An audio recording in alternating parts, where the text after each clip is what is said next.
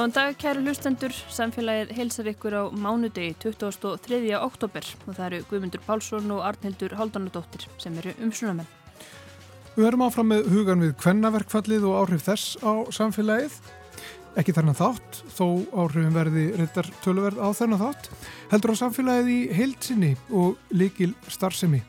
Við ræðum við bæjarstjóra, frangandstjóra hjúkurunar á landsbytalanum, formann flugfröðufélagsins og mannuðstjóra Ísafja. Hafró og Matís hafa undanfari staði í ströngu við að erðagreina mynda strókulaksa. Magnið er svona á við 2-3 meðal fristikistur og þau eru rúmlega hálunum með verkið. Þetta eru tímafrekar rannsóknir sem að vonandi segja okkur ímislegt. Við ræðum þessa vinnu, áhættu af fiskaldi og landnámseðli laksa við Guðna Guðbergsson, sviðstjóra ferskvass sviðs hjá Hafranssonarstofni. Helga Lára Þorsteinsdóttir, sapstjóri Rúf, kemur svo til okkar og rifjar upp dagskrá fyrsta kvennafrítagsins en dagskráðan var metnaðar full og henni var útvarpað á þessum degi fyrir 48 árum. Við byrjum á áhrifum, viðbröðum og mótvægis aðgerðum vegna verkfallsins sem að bóðað hefur verið til á morgun.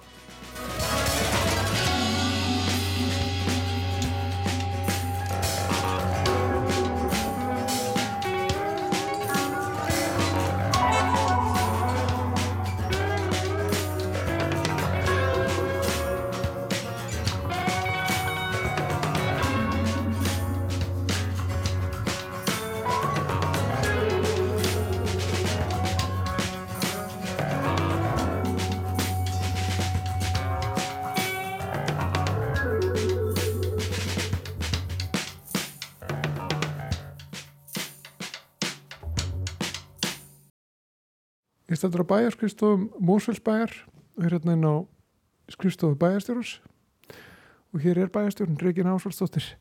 Uh, mér langar að tala eins við þig um uh, hvernig þið að leysa morgundaginn, það er hvernaverskvall. Uh, þetta er aldrei púslispil eða ekki fyrir svona stórt bæjarfélag? Jú, þetta er búið að vera svolítið púslispil og, og, og, hérna, og ég verði alveg að viðkjanna fyrst þegar ég heyrði að það er heil dagur að það fannst mér að svolítið mikið en svo svona hérna, svo er þetta bara einn dagur. Veist þannig að svona í meðferðunum og undirbúningum þá, þá hefur þetta svona aðeins breyst. Eh, hérna það var kannski að því að við vorum í verkvalli vor eh, leikskóla lokaður í marga daga að þá svona fekk maður smá eh, já, já brámi svolítið. En, við leysum þetta. Sjálfsögðu höfum hvart konunnar okkar til að, að hérna að taka þátt hvernig er þetta leist? Sko, það, eru, það eru náttúrulega leikskólar hér og það eru nokkri grunnskólar um, svo er ímist þjónustað sjálfsögðu vegum bæjarins eins og, eins og gengur og gerist uh, hvernig leysið til dæmis leikskóla og skóla? Sko leikskólanir verða meira minna lokaðir uh, en við erum með á hverjum og einum uh, hérna leikskóla eða þið, það er út að mismönda millir leikskólana hvort að hversu margir karlar vinna þar en við hefum svona Uh, leikskólastjórnarnir hafa reynda að bjóða fólki þar sem allir bæði hjónin eru í, í framlínu störfum uh, og ef við höfum kallmendi starfa að þá sé þeim foreldrum bóðið að koma með börnin. Og það er á tveimur leikskólum uh, sem að staðan er þannig. Að það er einhver örf á börn vegna þess að staðan er þannig heima. En aðri leikskólar eru lokaðir nú í skólunum, eh, grunnskólunum að þá er mjög oft sem að fyrsta bekk er bóðið að vera eh, hérna börnum í fyrsta bekk að það er hægt að koma því fyrir að, að kallmenni sjáu þá um það eh, en svona í eins og kvíslaskóla sem er, eh, sem er úlingaskóli að það er bara skólanum meira minna lokað. Við höfum sett þetta aðeins í hendurnar að hverjum að einum fórstöðumanni og skólastjóra að skipilegja út frá uh, bara sínu stað, svo eru auðvitað alltaf einhverja konur sem vil ekki taka þátt og þá meinu við þeim ekki að vinna að sjálfsögðu en, en við erum svona með skýra línur að, að, hérna, að það var engin að vera þvingaður til þess að vinna á morgun. Hér á bæjaskristónum þá munir kallarni bara taka eins og mannustjórun okkar verður hérna, í móttökunni og, og, og hérna sviðstjóri í menningamálunum hann verður á bókasafninu þannig að við erum að reyna svona að, að hérna Þannig að það, það verður opið hér en þjónust það svona aðeins skertara heldur en vennilega. Já. Það er ekki nætt á því að staðgengil bæjarstjóra fari eitthvað taka ykkur ákvarðanir sem hann að segja ykkur töklar staðgengil bæjastjóri er kona þannig að, að hérna ég reikna með að hún hérna verði svona uh, svolítið á samastað og ég, ég hérna ætla ekki að vera hér á morgun en, en kannski uh, þú veist og sína með því samstöðu. En önnur þjónustað eins og bara hér er þjónustað við, við aldraða og, og fleira? Já sko við höfum hérna varðandi það að þá erum við með, notum við bara sömu verkvallslista og, og, og bara eh, eins og við erum, þegar það erum raunverulegt verkvallaræða því þetta hefur ekki verið, þótt þessi kalla verkvall, það er þetta ekki alveg svo vennilega verkvall, þannig að við e, auðvitað munum sinna þeim fölluði einstaklingu sem eru hér í búsöldukjörnum hjá okkur og það er það sama við reynum að, að manna með körlum e, en það verða einhverja konur, e, þannig það horfir öðruvísi við og það er líka línan frá stjættafjöluðunum sem hafa sagt að, að velferðarþjónusta og svona almanna þjónusta sem er viðkvæm að, að það er gert ráð fyrir að hún súþjónusta haldist. Þannig að það eru eh, ekki allar konur í, í sveitafélaginu sem geta tekið þátt en, en vonandi eitthvað. En hver er þá stærsta áskorunin svona fyrir ykkur sem eru að skipulegja þetta sem eru að reyka hérna þetta bæjarfélag? Hver er stærsta á, áskorunin uh, í þessu verkvalli? Það er auðvita uh, gagvart börnunum og fóreldrunum þar sem að, fóreldrar er að vinna í uh, störfum sem eru dýlera hérna, velferðarþjónustu að, að það, er, það er mjög erfitt að, þurfa veist, að geta ekki tekið á móti þeim börnum þannig að þess vegna við verðum að reyna það sem báði fóreldrar eru í þannig þjónustu að halda einhverju opn. Það er stæðsta áskonin að gera það án þess að þurfa að, að hérna, já þar sem að er bara ekki nóg mikið af kallmönnum, þar, þar verður við reynlega að loka og, og treysta á bara á ættingja og annað. Um, bara svona að lokum ætla þú að fund? Já, ég rekna með því að ég fari í bæ og, og síni með því samstöðu. Reygin Ásarsdóttir bæjarstöri í Mósusbæ. Takk fyrir að taka mótið mér hérna á bæjarskurstofunni. Takk sem leiðis.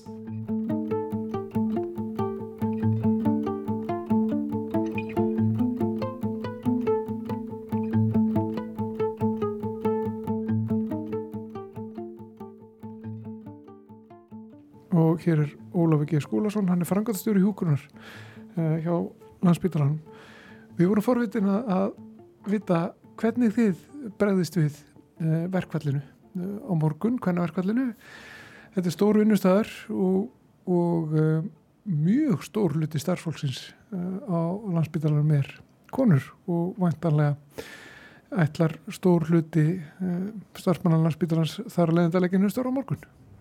Já, það má sannir segja. Það erum 80% starfsmann hjá okkur eru konur, rétt rúmlega það. Þannig að þetta mun koma til að hafa mikil áhrif okkar starfsemi.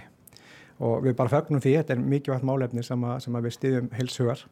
Um, við skipilingum starfsemina raunni bara eins og í hefðbunni verkvalli. Við erum með svona ákveðin, ákveðinu öryggislista sem við störfum eftir til að tryggja öryggi sjúklingarna og það er að þjónustu sem að við þurfum að veita og bara svo það, það sé alveg skýst að þá veitum við að sálsögðu alla lífsbjörgandi þjónustu og bráða þjónustu þannan dag um, við gerum alls konar svona, reynum að gera eins mikið úr svo við getum því að hérna eðri málsins samkvæmt komast ekki allir svo við getum veitt þessa þjónustu að þá reynum við svona að gera meira úr hinnum sem er í vinnunni.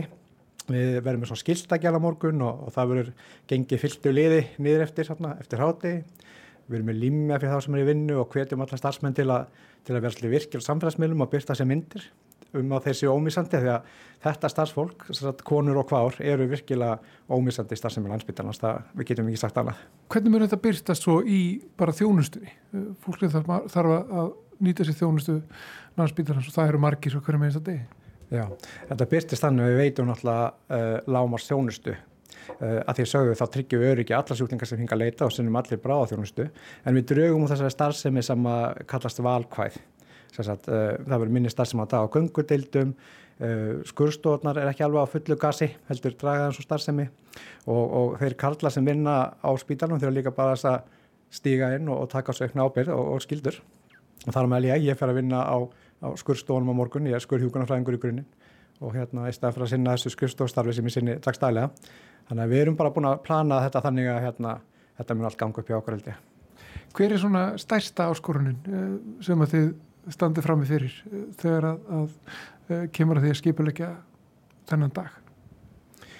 Það er náttúrulega mönnunin að hérna, þessar stjættir sem að koma beinta um mönnun sjúklinga hér eru að meiri hlutanum til konur, ég meina ljósmaðurnar eru 100% konur, hjúkunarfræðingarnir eru 98% konur sjúkarlegarnir eitthvað svipað, 95-6% konur. Þannig að, hérna, þannig að það að manna beina þjónustu við sjúklinga er krefandi, læknarnir er orðin 50-50 þannig að þú veist ég, ef ég maður rétt áru svona 47% lækna konur í dag. Þannig að þetta er orðið bara krefandi aðstæður á spítalanum hvað það var þar að hérna þegar svona dagur kemur upp sem er svo mikilvægt þegar maður má ekki gleyma að það snýst ekki bara um launa. Við erum með jafnlaunastefnu á landsbítalunum og, og, og fylgjum henni. En svona hefðinni til að hafa þessi hefðbundum kvennastjættir náttúrulega verið læri launar heldur svona hefðbundnar kallastjættir og, og þetta snýst ekki bara um það heldur líka kynferðistætt og kynbundu ofbeldi. Og þarna er, þurfum við sem landsbítal sem stór kvennavinnustæðar að stíga fast fram og stíga þetta, þetta verkfall. Landsbítal er með starfsemi mjög víða. Þetta er stóru vinnustæður, fjölmennu vinnustæður. Uh, ég er hérna í, í skrifstofunum ykkar og hér er náttúrulega fylgta konum að vinna. Uh, mun þetta byrstast á mismunandi hátt sko að því að spítalinn er náttúrulega að veita þjónustu sem að er já, getur verið lífsbjargandi og, og svo framvegs. Um, svo eru hérna ymsar deildir sko bara að víða hérna um á höfbruksvæðinu og jafnvel víðar. Já, bara svona til glöggunar þá erum við á sko 20 stöðum í 100 húsum með 6.800 starfsmenn og 80% af þeim eru, eru konur og hvar sem að gefa svona kannski mynda stöðunni. Um, við eins og skrifstofnar hér verða vantala bara tómar. Við, við gerum það fyrir allar konur og hvar sem að starfa hér legginu störf og geta það, verkefni geta þá bara aðeins högta þessi verkefni en, en klínusku verkefnin okkar, þessi, þessi bráða þjónust og lísbjargandi þjónusta, hún, hún alltaf getur ekki högt. Þannig að við vöndum okkur við að forgasa þeim og, og, og minga eins og við getum gert um, en önnur afleitt starfsemi spítalans, hún, hún mun bara stoppa. Það er stórmála að skipulegja þetta þegar starfsemin er svona viðamikil og, og starfsmenninir eru svona margir ekki satt þetta, þetta lítur að vera alltaf mikið átaka að skipulegja svona dag. Já, við byrjum fyrir nokkur síðan að skipulegja þetta og hérna þegar maður er svona stóra vinnustaf þá þarf að hafa svolítið hraðar auðvögra hendur. Um, við byrjum að senda raunni bara tilmæli til okkar stjórnenda í framlínu um að, um að skoða hver, uh, hver hugur manna verðist að taka þátt þess að snýja þá kringu þá og hvetjum að til að taka þátt. Við viljum að okkar konur og hvár geti tekið þátt í þessu Um, og það kom allir ljósa að einhverjir vilja ekki taka þátt. Sumir vilja bara mæta á sinn vinnustaf og taka þátt í þeirri þjónusi sem við veita þar. Aðrir vilja taka þátt þannig að við höfum þurft að skipilegja allir kringum það. Þannig að við forgarsum það þeim sem er í störfum til að sinna þeirri þjónusi sem er brínust hverjum tíma. Eru mörg sem að ætla ekki að vera með vilja mæti vinnuna og, og langar til þess að, að halda áfram að mæti vinnuna eins og, og ekkert að við skorist og þetta sé bara eins og hverjana vinnur vinnudagur Ég er ekki með nákvæm að tölu en, hérna, en í upphafi var svolítið mikið um að fólk vildi ekki taka þátt. En eitthvað sem nær dregur það heyri maður áhugnir aukast. Þannig að fólk sér hvað það skiptir miklu máli. Þeir búið að taka orðaræðuna um til kynbundi launamun og kynferðilegt ofbeldi, kynbundi ofbeldi. Og svo mikið af þessa dags að þá hefur áhugin aukist. Þannig að við höfum vist að snýði kringu það. Eins og segja þá bara draugum við saman eins og við getum en, en tryggjum alla þjónustu. Ólof G. Skúlason, frangatstjóri Húgrunar hjá Landsbytalan. Takk fyrir að taka mótið mér hér. Takk fyrir komuna.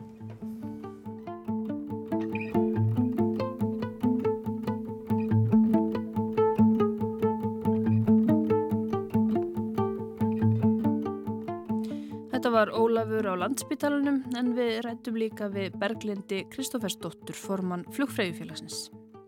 Veistu hvort að margar flugfræðir ætla að leggja niður störf á morgun? Ég hef sko sem ekki vittneski um það eins og staðan er núna en auðvitað hefur þessi umræða átt til stað meðar flugfræða og þjóna.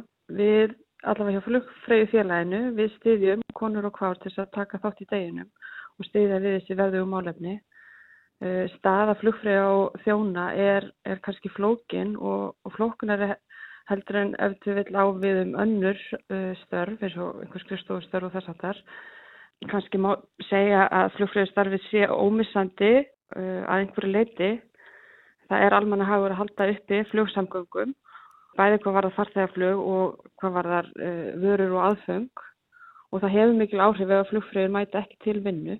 Er það þá sko ómissandi á einhvern annan hátt en til dæmis bara sundlögaverðir eða starfsfólki í kjörbúðum? Er, er, er þetta einhver svona lagaleg skilgreining sem á við um, um flugfröður og flugþjóna? Kanski ekki beint um starfið sem slíkt en auðvitað starfsemina flugstarfsemina. Þeim ber skilda að halda flugsamgöngum opnum.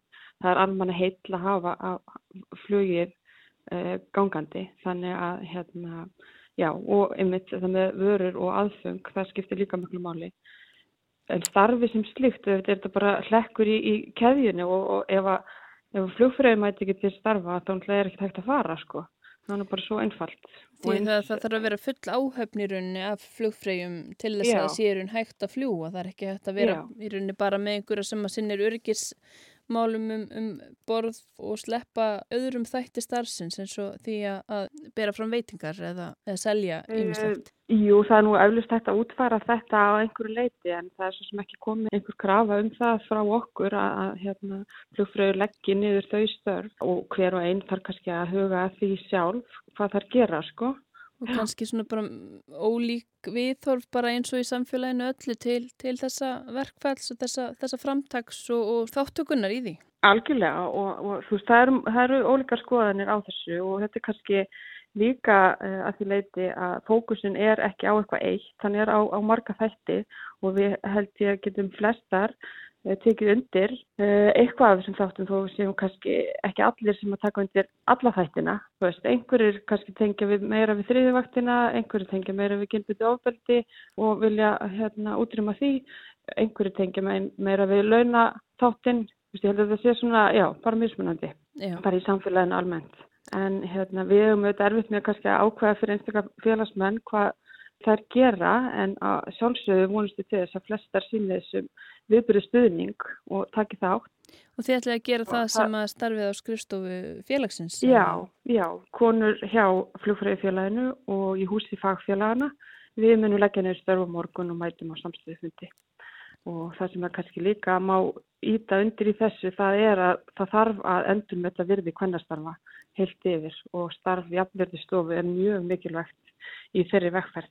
Er það svona þegar þú hugsaður um, um þitt starf, uh, flugfræður, flugþjóna, er það það sem skiptir mestu máli svona þegar kemur að ykkar baráttu? E, það, það skiptir mjög mjög máli, já, hjá okkur og það væri hægt að, að leiðrætta launamun verulega með því að endur með þetta virði starfsins. Ef að fólk ætlar að leggja niður störf, þarf það þá að fá leifi eða láta vita? Ég held að Íslandir hafi óskað eftir því að, að konur og hvar láti vita með fyrirvara hvort það mæti eða ekki. Hins vegar verður það bara komið ljós og þau, þau verða vantarlega og hafa verið að undirbúa það þess að þannig óvissi þátt núna síðustu dagar sko. Og veistu hvort að þau sem að leggja niður störf fá í greitt laun þennan dag? Já, mér skilst að það sé, sé þannig.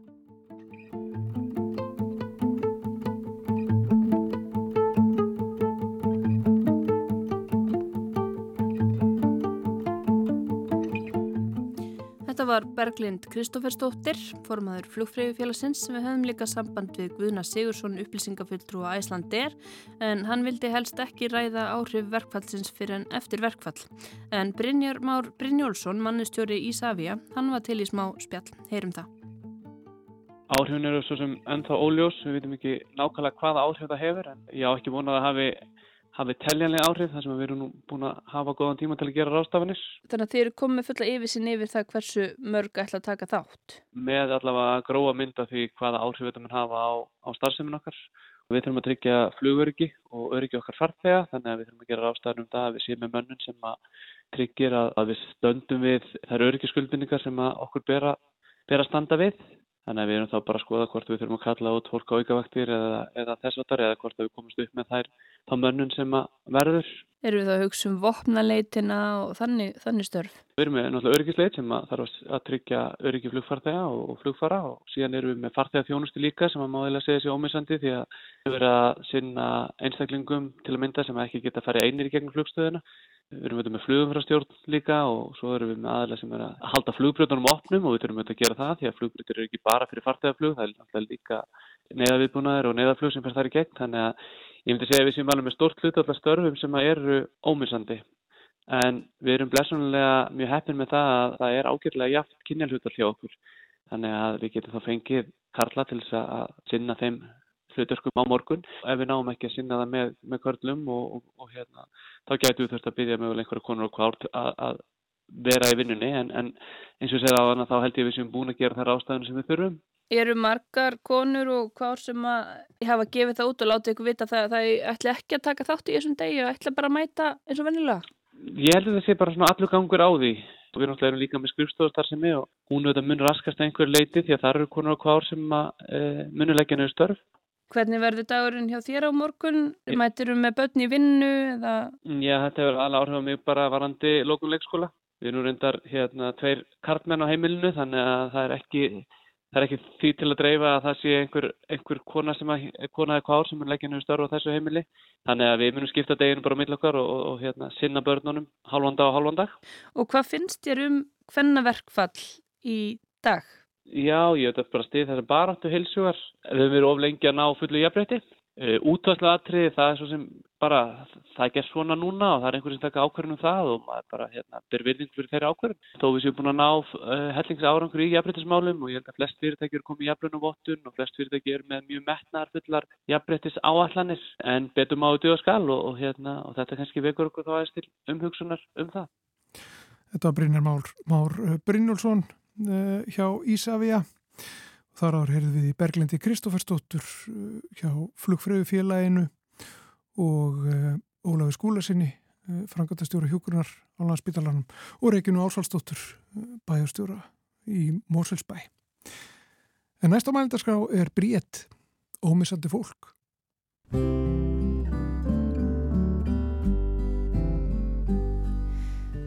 Allsnakin kemur í heiminn og allsnakin ferðu burt. Frá þessum dauðu hlutum sem þér fannst þú hafa dreyð á þurrt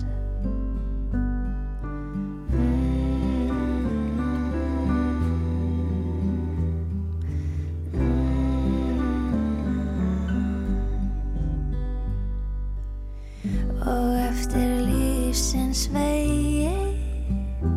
Maður fyrr þar sem fæst er. En mitt á miðjum degi dauðin tegur mál af þér.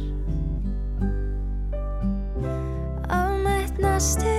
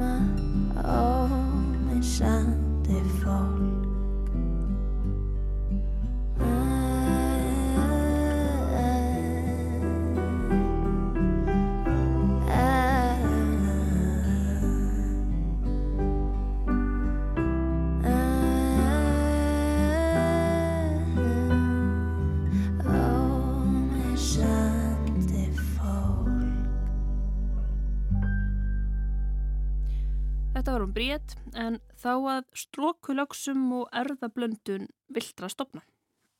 Ég heiti Guðni Guðbergsson og ég er sviðstjóri e, ferskvass og eldisviðs og hafranskónastofnun. Þið eru núna út af þessum mikla uh, þessu mikla strókuslýs í Patræksfyrði e, á fullu hafi verið undarfarið að, að erða greina mynda stróku lagsa. Getur það sagt mér bara hvernig þetta fer fram? Fáið þið bara flökinn til ykkar frosinn á, á rannsóknastofu eða, eða hvað? Helst hefðum við viljað og við höfum verið að óska eftir því að fá uh, fiska til okkar til greiningar uh, og menn hafa bröðist mjög vel við því. Við höfum verið að fá og viljum helst fá fiskana í heilu þannig að það sé hægt að skoða útlýtsenginni og, og taka fleiri síni heldur en bara erða síni en, og þegar að fiskar berast til okkar að þá það sem við gerum er að taka eh, lífsíni af, af fiskunum og, og komum þeim í, í, í, í ákveðin vögva sem er geimslu Eh, við tökum líka mælum lengt og þyngt, eh, tökum eh, síni af holdi til að skoða fytusýru samsetningu sem getur sagt okkur hven, mögulega hvenar fiskar hafa sloppið og svo skoðum við kynþróska stíð á þessum, kyn og kynþróska á þessum fiskum. Þá er þeim hluta af, af sínatökunni lokið, við förum síðan með þessi lífsíni upp á matís þar sem að þau eru sett í, í greiningur, þar eru er erðaefnið einangrað og síðan eru vélar sem að e, greina erðaefni þannig að það sem við fáum síðan e, tilbaka frá Mattis eru tölur á bladi sem við getum síðan nýtt til þess að bera saman þau lífsíni við lífsíni úr fóreldrafiskum því að í lögum hér e, segir að þeir sem að eru að stunda fiskaldi ber að geima erðaefni e, af fóreldrafiskum Þannig að þegar að gögnin koma, þegar að búið er að greina þá fiska sem að mögulega eru eldisfiskar þá er þetta að bera þá saman við fóreldrafiskana og sjá þá hvaðar um fiska er um að ræða, hvar þeir hafa farið í eldi og þá mögulega hvaðan þeir hafa sloppið. Þannig að þetta er svolítið stór og mikill gagnagrunni sem þeir eru að koma upp með þessum rannsóknum. Vissulega og, og það að þetta skuli vera hægt, að, að það skuli hafa verið e, sá fyrir sjáanleiki á sínum tíma að sapna erða efna fóreldrafiskum er eitthvað sem hefur verið mjög, okkur mjög dýrmætt e, það er kerfi sem að menn er að reyna að koma upp núna í Noregi til dæmis 40 e, árum eftir að þeir byrjuði á sínu fiskeldi þannig að það auðveldar mjög mikið alla vinnu til þess að greina það hvaðan fiskar mögulega hafa sloppið og hver uppbrunnin er Eh, þannig að eh, já, þetta er, eh, er heil mikil vinna sem hefur fyllt þessu og, og þegar að svona atbyrðir gerast að þá er það ekkit sem að menn hafa reikna með þannig að það hefur færið bæði tíma, tími og, og vinna sem að hefur þá ekki nýst í annað eða menn voru reikbúinir að reikna með að nota í annað sem hefur færið þá í þetta. Það er dýra rannsóknir líka. Vissulega er það dýra rannsóknir, það eru bæði dýr efni og þetta tekur heil mikinn tíma Eh, þannig að, eh, að, að, að það er kostnaður sem þessu fylgir já en það er samt eins og þetta með bara rannsóknir eh, í erðafræði að þá er, hefur tækninni fleikt mjög fram þannig að það er hægt að nýta erðaefni í greiningu og síðan er að taka það stóra hluta af erðaefninu til greiningar og síðan Annað sem er, hefur fyllt fram þróuninni er að reikni geti tölvum hefur aukist líka þannig að það er að nota meira gögnum til þess að reikna út uh, fleiri stærðir heldur en gert var áður. Þannig að uh, burt sér frá því að uppurinn að greina bara uh, fiska úr, úr eldi að þá er, er framþróun í erðafræði að breyta mjög mörgu bara í tólkun og vistfræðilegum gögnum almennt. Hvað er þetta margir heilir frosnir fiskar sem þið hafið fengið inn á borð til ykkar núna? Eh, við erum búin að fá uh, 306 held ég þeir hafi verið síðast þegar ég taldi en það eru enn að koma fiskar inn í, inn í hús. Uh, við vitum af aðeins fleirum sem að hafa veðst og ekki hafa komið til okkar og það er, ef ég mann rétt á er búið að greina einhverja 142 af þessum en það eru fleiri í greiningu og, og greiningin í sjálfu sér tekur frá svona tíu dögum upp í, upp í tværi vikur.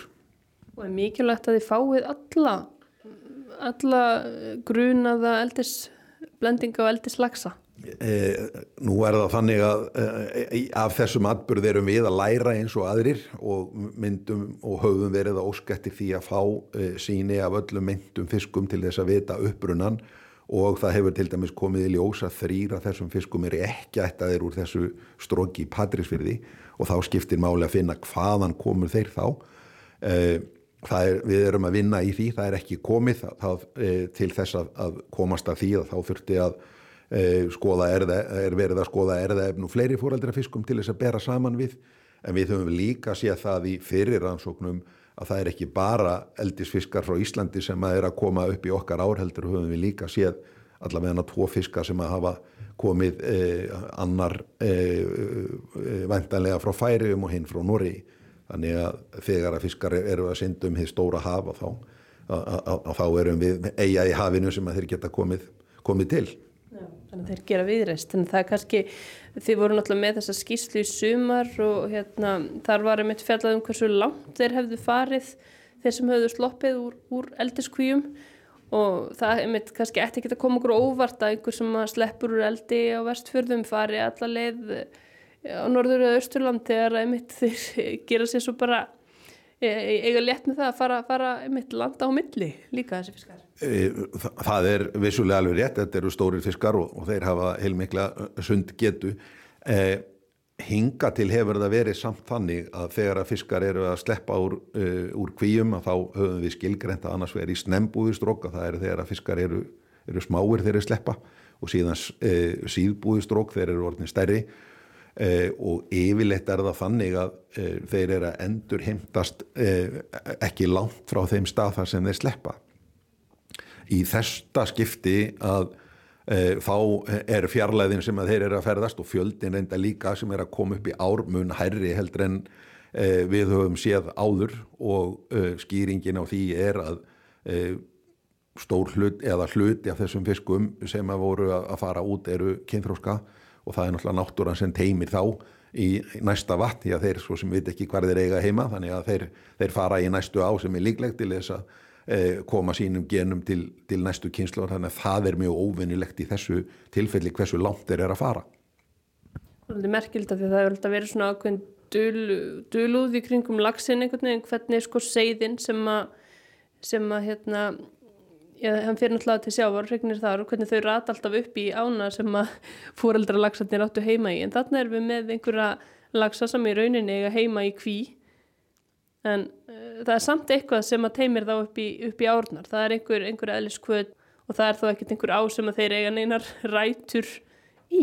Það er alveg rétt og, og það er líka að uh, lagsfiskar og, og lagsin þar með talin eru svona landnámsfiskar.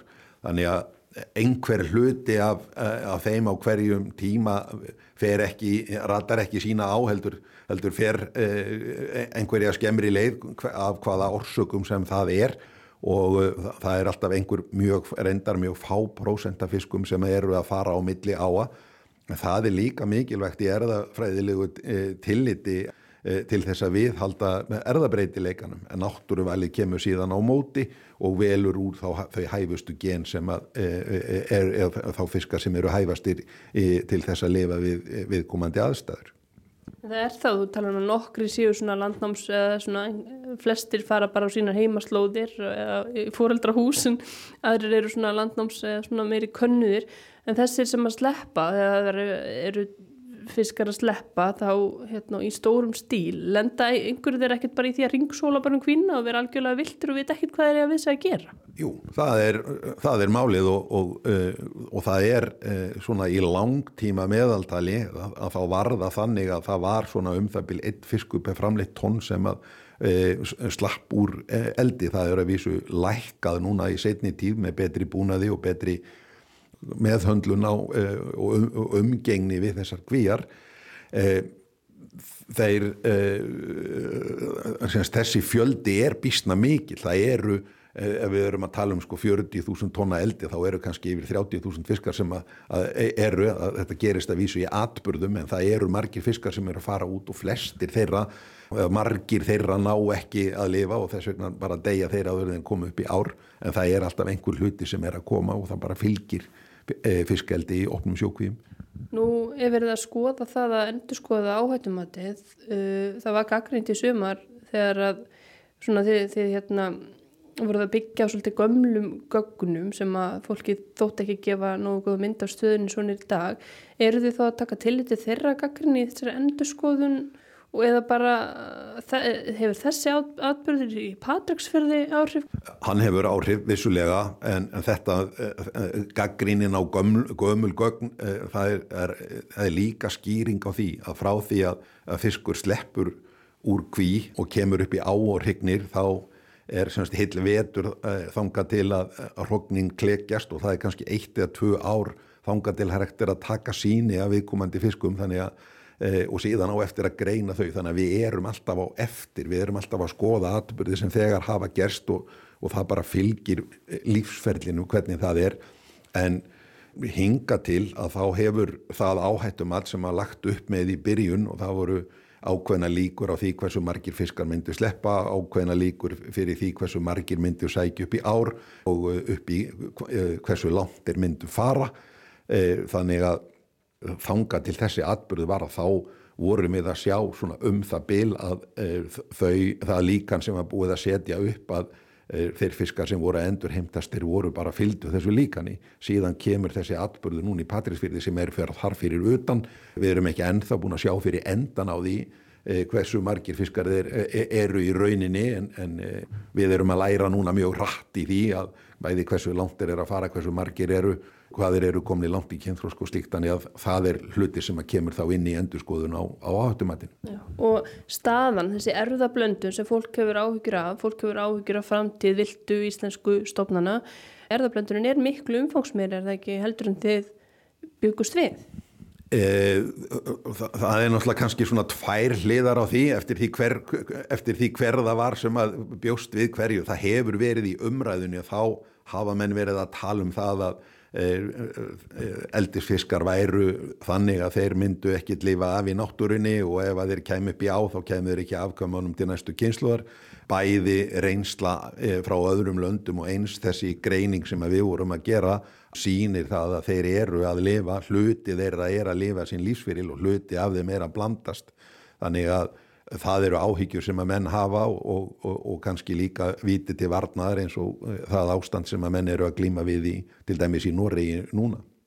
Þessi mikla greining sem að nú á sér stað okkur minnast að fiski 10 til 14 dagar sem að fara bara í það að gjör greina þá og þeirra erða efni Hverja á þetta skila? E, þetta er náttúrulega bara lærdómur sem við erum að, að draga og uh, hluti af því til dæmis er að yfirfara það af hverju urðu þessir fiskar kynfróska vegna þess að það er hægt að koma í vekk fyrir það eða senka kynfróska með því að raunin að plata fiskana með því að vera með ljósa stýringu í, í kvíunum þannig að uh, fiskarnir sem eru þar ná ekki að skinja Eh, daglengdina eða mun eh, á lengdags og nætur sem er merki sem að þeir hafa til þess að nú sé komin tímin til þess að undirbúa sig undir kynþróska þannig að það eru hlutir sem að þarf að yfirfara og það er eitt af þessum mótvæðisaðgerðum sem er hægt að gera til að eh, komi vekk fyrir það að kynþróska fiskar sé að leita upp í ár ef þeir slepp úr kvíum þannig að það er mjög mikilvægur, mjög mikilvægur þáttur eins er það mikilvægt að vita hversu langt þeir eru að fara og, og, og, og hvað margar ár þeir eru að koma svo framvegis að því að árnar eru líka inn í áhættumættinu. Nú hefur eh, matvælar að tala um það að, að það sé hægt að stunda sjókvíja eldi hún sjáu svona framtíð í því. Eh, þeir sem eru á mótið þessu tala um að það þurfu bara sólalags ákvæði í gær og þetta verði banabiti íslenskra lagsastofna heldur þú að ef að við verðum áfram með þetta sjókvíja eldi að fórnarkostnæðin verði þá bara vilti lagsinn og viltu stopnarnir okkar? Það er náttúrulega svo vinna sem er verið að, eh, að leggja mörgum núna er til þess að lámarka þessi áhrif og ég held að það sé eh, nokkuð ljóst að það er hægt að gera betur. Eh, það tekur alltaf tíma fyrir menn á nýjum svæðum að bæði að læra á umhverfi, læra á aðstæður. Og oft er það nú þannig að menn þurfa að læra af reynslunni. Eitt af því sem að getur skipt máli í því er að fara ekki og geist þannig að uh, ef að menn eru að læra af óhöppum sem verða þá séu þau ekki alltof stór. Áhættum að þið var sett á laginnar á sínum tíma í því skeni að það væri hægt að stunda sjókvíeldi í þeim mæli að það hefði ekki áhrif inn í átnar það var reyndar sett líka á laginnar e, vöktunarverkefni til þess að vakta og rannsaka hvort að þau áhrif sem að kæmu fram væru innan þeirra marka sem að hóttum að vera að gera ráð fyrir og það er einmitt hluti af þeirri erðavöktum sem við vorum að byrta núna í júli að og það eru gögn þá sem að nýtast líka því að þó svo að menn verði varir við fiska inn í ánum og eins og í þessu tilfelli þá sem er búið að veiða og, og, og taka í síni að þá er alltaf einhverjir sem að veiðast ekki og þá er mögulegt að greina það hversu mögulega margir aðrir fóreldrar hafa verið e, sem að hafa ringt og komið þá e, sínum afkomendum til e, næstu kynnslóðar sem að er þá hægt að sjá með því að greina segðin í ánum. Það við fengið einhver svona furðufiska sem þið bara skilji botnið ekkert upp eða niður í? Nei, eins og ég segi það eru þarna þrýrfiskar sem við vitum sem við vitum ekki hvaðan hafa komið en að öðru leiti að þá er útlitið á þessum Uh, lögsum sem sluppu þarna, þetta voru stórir fiskar uh, og, uh, og þeir eru að koma upp í átna setna heldur en okkar viltu fiskar þannig að þeir eru að hafa verið silræðir og, og greinilegir í útliti. Það hefur að vísu sérst á einstakka fiski að, að þeir hafa orðið fyrir smiti, lúsasmiti þannig að það eru að, sé, það sérst á þeim. Það meðs mikið, einhver er, einhver er lítið en einstakka sem er aðeins meira Og þetta er þá í rauninni setna eldisholli sem að þessar kröfur voru gerðar um, um sagt, að fá sín úr fóröldarfiskunum. Þetta gamla lagseldi aðeins kringum hvað 1900 var ekki 80. Ef þetta eru þannig fiskar þá kannski ég er vera með að reykja þið fáið þannig, eða þeir kannski á bara að blandast það mikið að það er ekki hægt að sjá það er, Já og nei það er, ef að erðaefni er til, að náttúrulega erðaefni þinnist út með tímanum og velstúr en uh, ef að uh, frá þeim tíma sem að var byrjað að nota þessa norsku stofna þá eru til síni að fóreldrafiskum í fyrri bylgu þá var verið að nota íslenska, íslenska lagsa þannig að þeir voru miklu skildari íslenska lagsinu þannig að það og þá var miklu erfiðar að, að og, og bæði var það að tækning var ekki komin í fyrsta lægi og öðru lægi þá voru eldislagsarnir og viltulagsarnir svo líkir þannig að hættan af því að vera með fiska skilda fiska þóðir sleppur eldir minn minni heldur en þegar að laxar eru búinir að vera í 14-15 kynnslóðir í, í kynbótavali og eru upprunir frá öðrum löndum.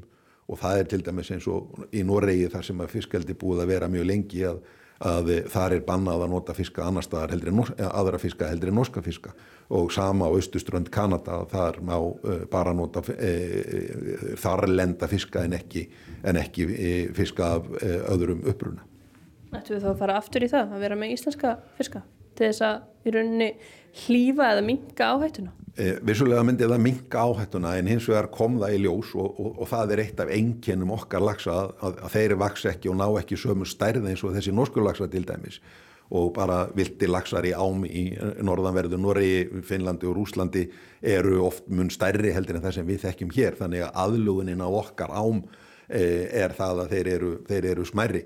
Þessir kynbættu lagsar sem að þeir eru miklu betur aðlagar að eldinu. Þannig að ég held að menn get ekkert farið þangað. Hins vegar skiptir máli að, að yfirfara alla verkferðla og bæta uh, það sem að hægt er að bæta til þess að lámarka líkurnar til þess að fiskar sleppi og, og þar með að þeir komi upp í ár og, og nái þá að blandast.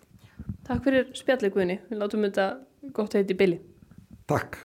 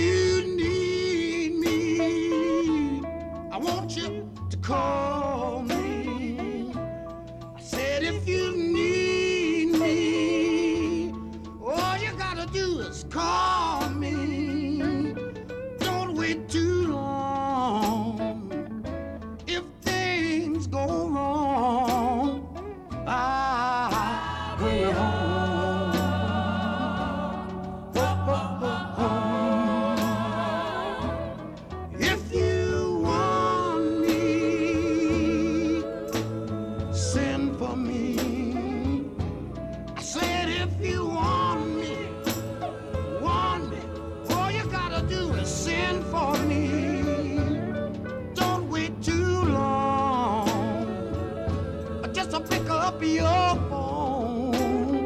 And I'll be home where I belong. People have always said, darling, that I didn't mean you no good. And you would leave me someday. But way deep down in my heart, I know I've done the best I could. One of these days it won't be long. You'll come walking through that same door. Oh. And I can imagine in my mind that these are the words that you'll be saying.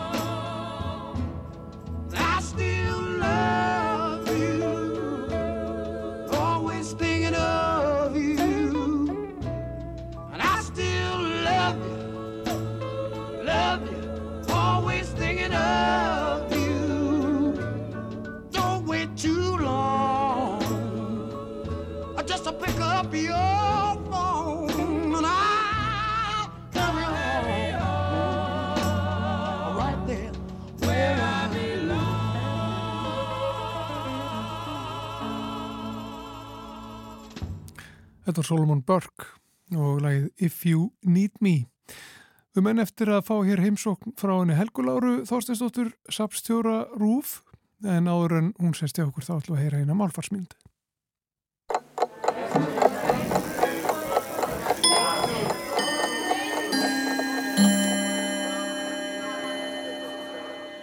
Vanhæfni er að hafa ekki hæfni eða færni til að sinna tilteknu verkefni. Það þarf ekki að tengjast ytri aðstæðum, heldur hefur að gera með færni, þjálfun, mentun og fleira sem lítur að persónlegum eiginleikum. Vanhæfi er að hafa ekki hæfi, engur sangkvæmt lögum til að sinna tilteknum verkum. Til dæmis vegna fjölskyldutengsla. Ytri aðstæður eru því oftast ástæðan fyrir vanhæfi. Þessi tvö mjög svo líku orð hafa sem sé gjör ólíka merkingu og ekki gott að þeim sé ruggla saman. Til að flækja málið enn frekar þá er hægt að nota lýsingarhorðið vanhæfur, bæði um vanhæfi og vanhæfni. Þannig að þegar lýst er yfir vanhæfur ráðherra er ráðherran vanhæfur og þegar einhver hefur ekki hæfni til að sinna starfi sínu er líka hægt að segja að sá sé vanhæfur.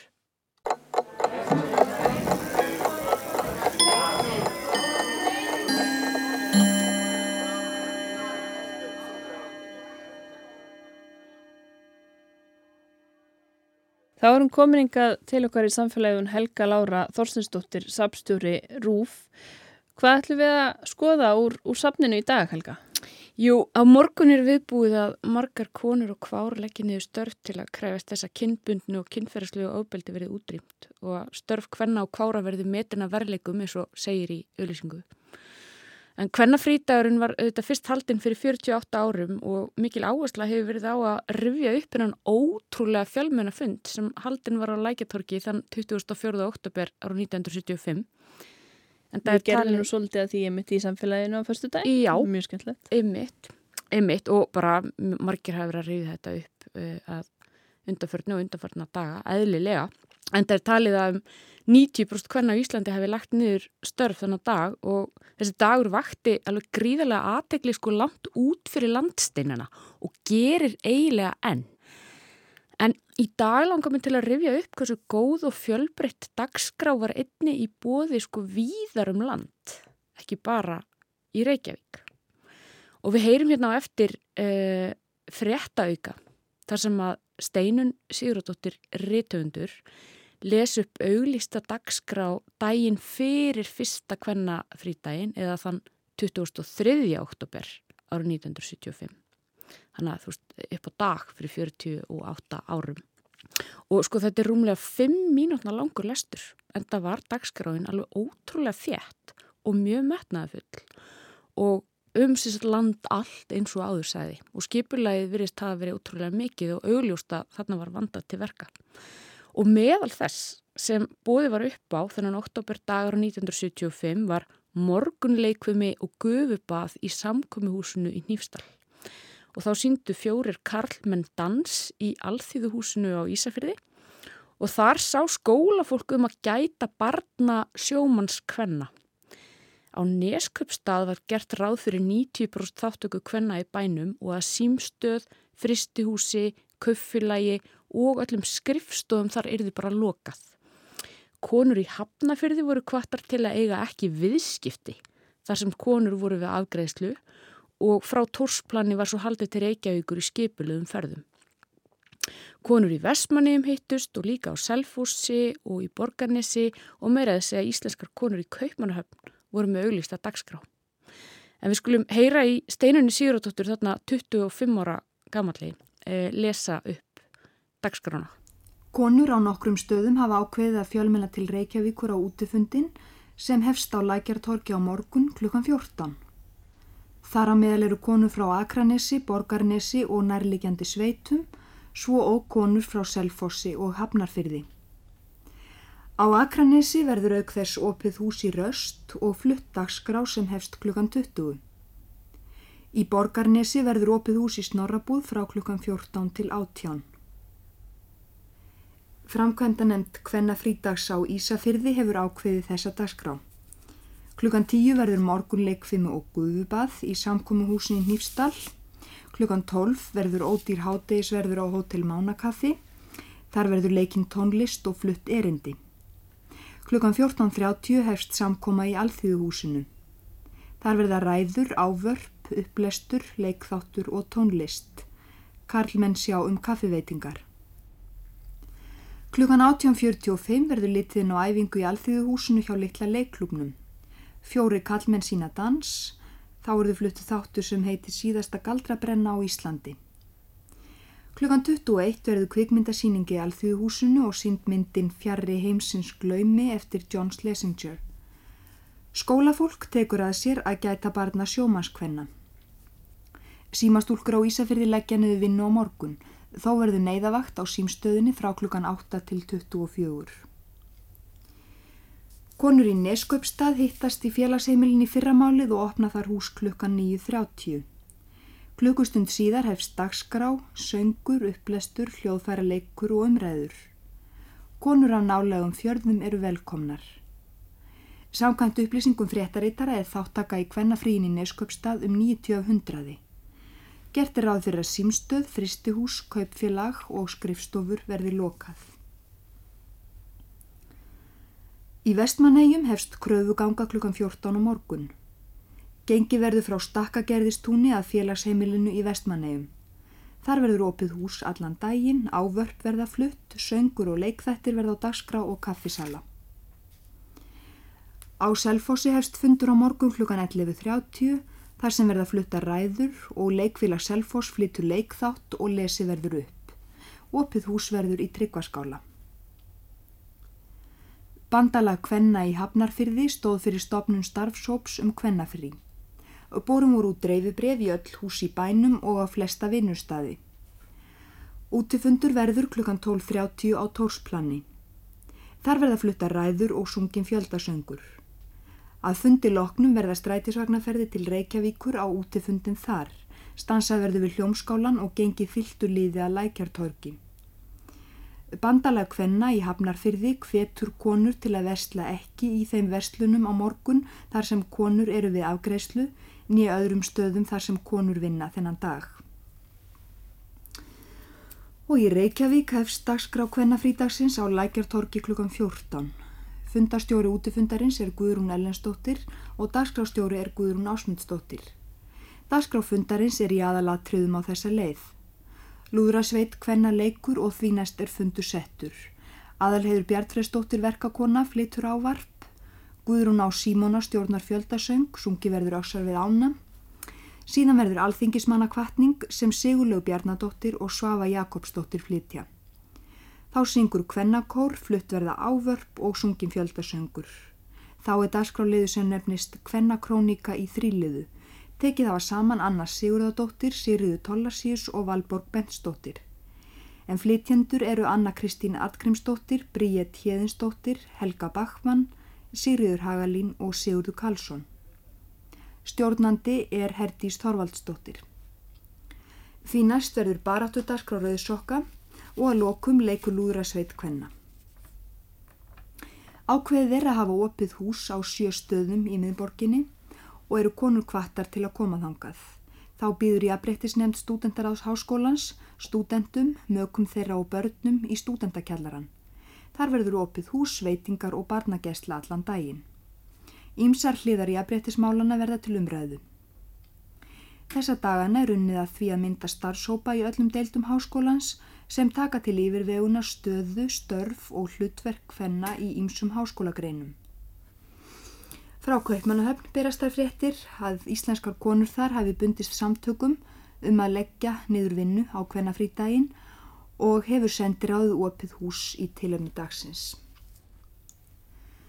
Fjölmörg íslensk félög og félagarsamtök hafa líst yfir stuðningi við aðgerðir kvenna á morgun, svo sem húsmaðurafélag Reykjavíkur, stjórn landsambands framhaldsskólakennara, félag íslenskra sjúkraþjálfara, stjórn sambands íslenskra bankamanna og alþýðu bandalæði Kópavogi, auk annara sem áður hefur verið getið í fréttum.